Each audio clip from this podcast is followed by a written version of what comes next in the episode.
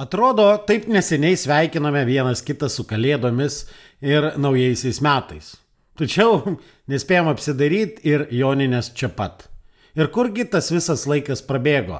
Jau prasidėjo vasara, atostogų metas, po to ruduo ir vėl metų pabaiga. Laikas bėga, o kaip sekasi siekti metinių tikslų?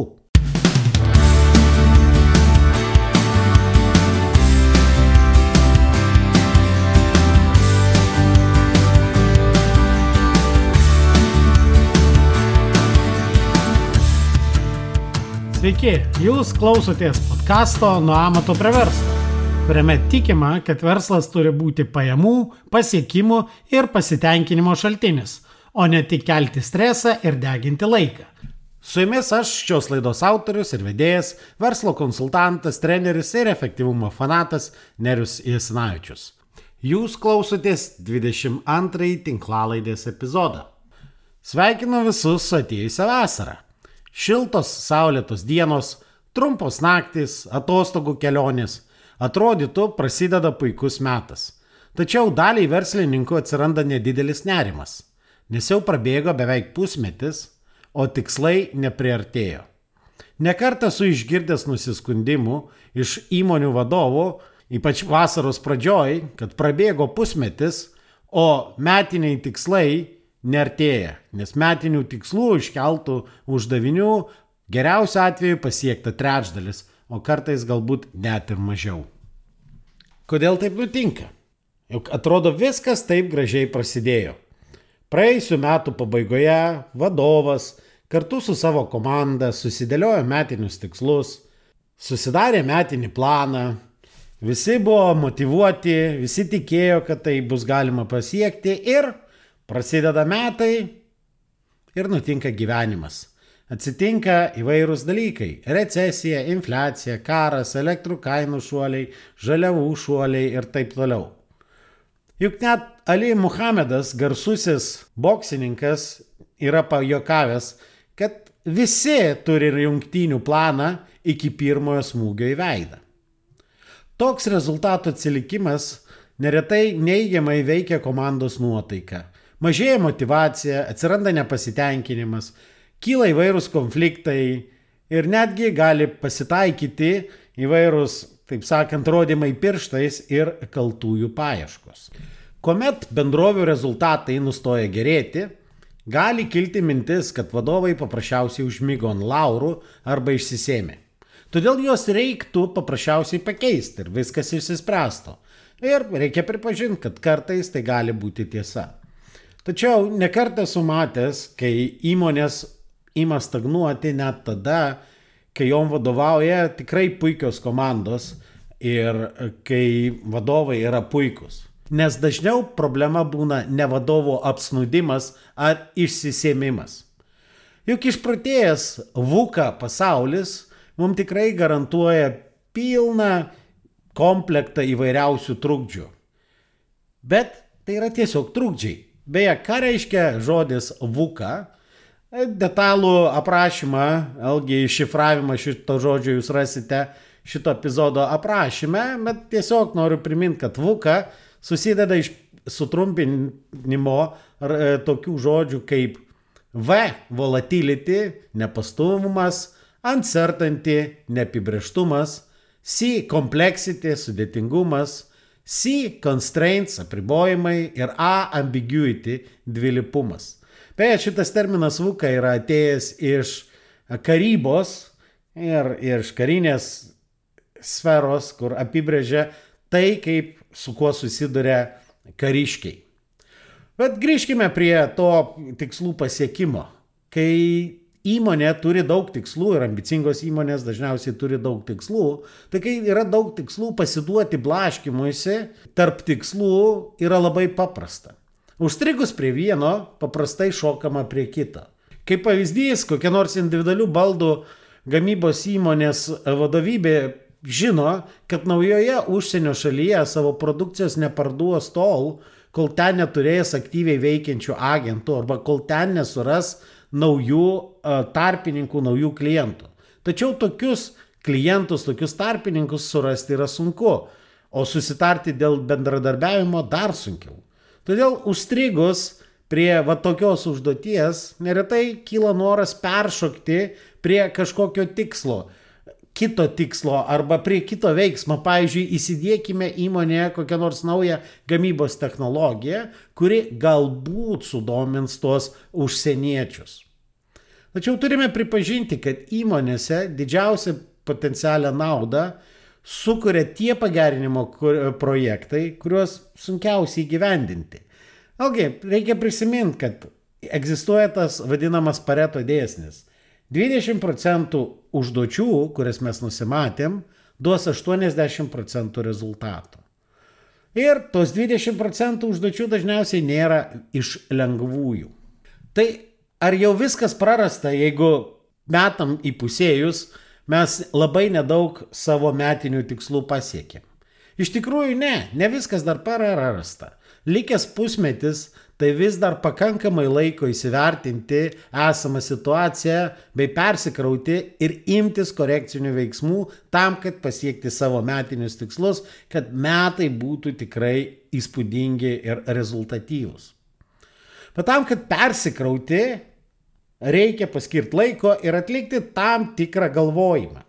Šitam persikrovimo procesui pasiskirkite vieną dieną, kai jūs galvosite apie tai, kaip pasiekti metinius tikslus.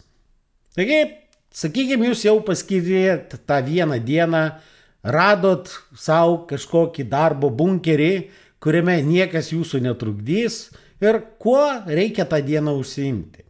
Taigi, atlikite šiuos veiksmus. Pirmiausiai, apžvelkite ir panagrinėkite praėjusį pusmetį. Pirmiausiai prisiminkite tą jausmą, kai išsikėlėte metinius tikslus ir Persižiūrėkit, kokius jūsgi tuos metinius tikslus išsikėlėte. Ką pavyko įgyvendinti iki dabar, o kas nepavyko. Kodėl nepavyko? Ką, jeigu leistų jums kartoti tą pusmetį, ką jūs galėtumėt padaryti geriau? Taip pat pasidžiaugkite tais laimėjimais, kuriuos pavyko pasiekti ir pasižiūrėkite, kurias vietas reiktų tobulinti. Ir kai jau identifikuojate tas vietas, kurias reikia tobulinti, pasigilinkite, kokios yra vis dėlto tų tikslų nepasiekimo priežastis. Kodėl jūs atsiliekate nuo savo tikslų pasiekimo? Galbūt jūs paprasčiausiai nepadarėte tų veiksmų, kuriuos buvote nusimatę padaryti tam, kad pasiekti tikslą. O galbūt tie veiksmai buvo nepakankami. Nes vėlgi nieko keisto, mes darydami planus darome tam tikras prielaidas ir gyvenimas mums parodo, kad ne visada prielaidos yra teisingos. Galbūt jūs planavot, kad kas dešimtas sukontaktuotas potencialus klientas nuspręs iš jūsų pirkti. Galbūt išaiškėjo, kad neužtenka vieno iš dešimties, galbūt iš jūsų perka vienas iš dvidešimties ir jums paprasčiausiai reikia padidinti tam tikrų veiksmų intensyvumą. O gal pasikeitė aplinkybės ir galbūt kažkuri tikslo dalis dabar jau nėra aktuali ir kažkokie kiti dalykai tapo aktualūs. Jeigu jau apžvelgėt ir išnagrinėjot praėjusią pusmetį bei įvertinot atsilikimo nuo tikslo priežastis, pasižiūrėjot galbūt kažkurias tikslo dalis išėmėt, galbūt pasižiūrėt, ką reikia, kokius veiksmus paintensyvinti, Toliau supaprastinkit likusius metinius tikslus. Galbūt patys tikslai buvo per sudėtingi, neaiškus, per daug tų tikslų. Ir užsiduokite savo klausimą, kurį vieną iš tų iškeltų tikslų pasiekę, galėtumėt pasakyti, kad įmoniai metai buvo įspūdingai geri. Kas iš tų jūsų visų metinių tikslų, kokia esminė dalis, kuri dalis yra pati svarbiausia. Koks tas vienas tikslas, kurį pasiekus tikrai galėtume atsakyti, metai buvo wow. Kuomet aiškiai įsivardino tą pagrindinį metinį tikslą, tą pasiekimą, kurį pasiekus galėsit sakyti, metai buvo wow, kai aiškiai turi tikslą, sudarykite veiksmų planą to tikslo pasiekimui. Ir aišku, planavimą pradėkite nuo pabaigos. Turite aišku įsivaizdavimą, kokie veiksmai turi būti padaryti, paskutiniai veiksmai, kad jie atvestų jūs į tą tikslą. kokius jūs veiksmus turite padaryti tam, kad po to galėtumėt padaryti tuos veiksmus, kurie atves į tikslą ir taip toliau ir taip toliau. Dar kartą rekomenduoju pasiklausyti 18 epizodą apie projektų planavimą šitos tinklalaidės. Juk tikslo pasiekimo plano sudarimo principai yra labai panašus į projekto planavimo principus. Jeigu vis dėlto nelabai gaunasi susiplanuoti arba kartais net trūksta to prisivertimo ir valios, o gal kartais ir tam tikros žinių ir kompetencijos, visuomet galite pasikviesti į pagalbą mane ar mano kolegas.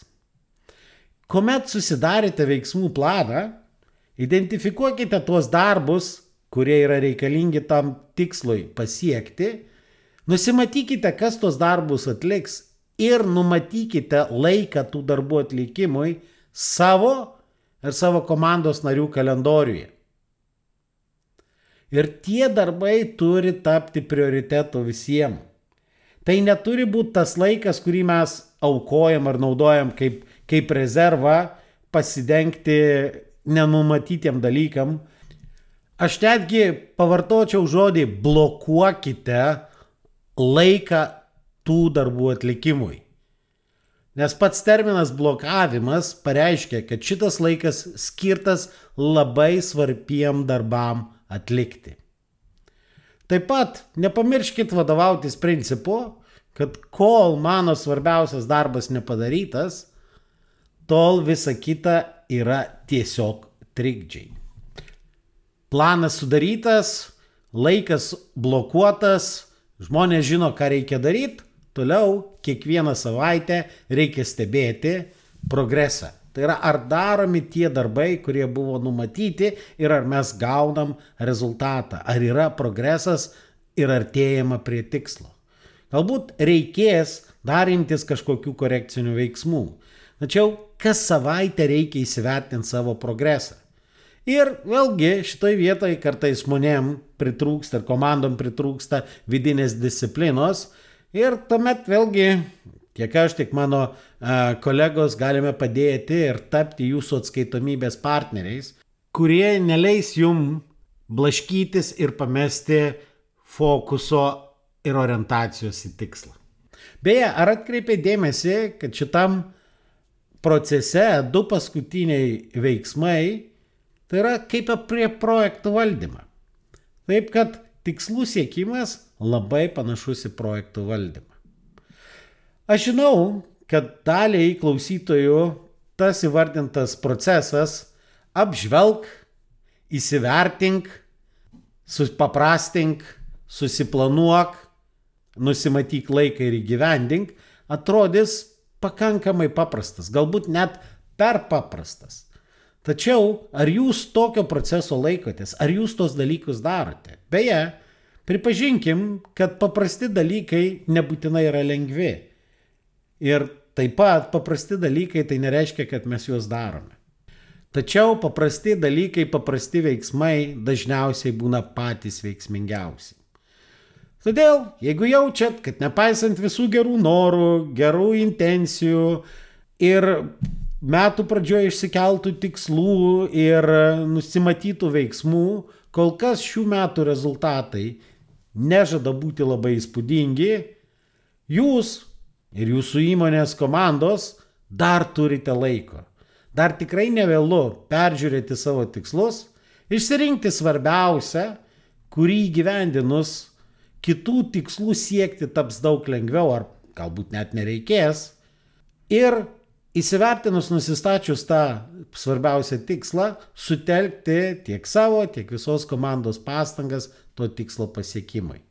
Ir tuomet metų pabaigoje pasiekti įspūdingi rezultatai nustebins ne tik aplinkinius, bet ir jūs pačius. Šiandien tiek ir susigirdėsime kitame epizode. Dėkoju, kad klausėtės.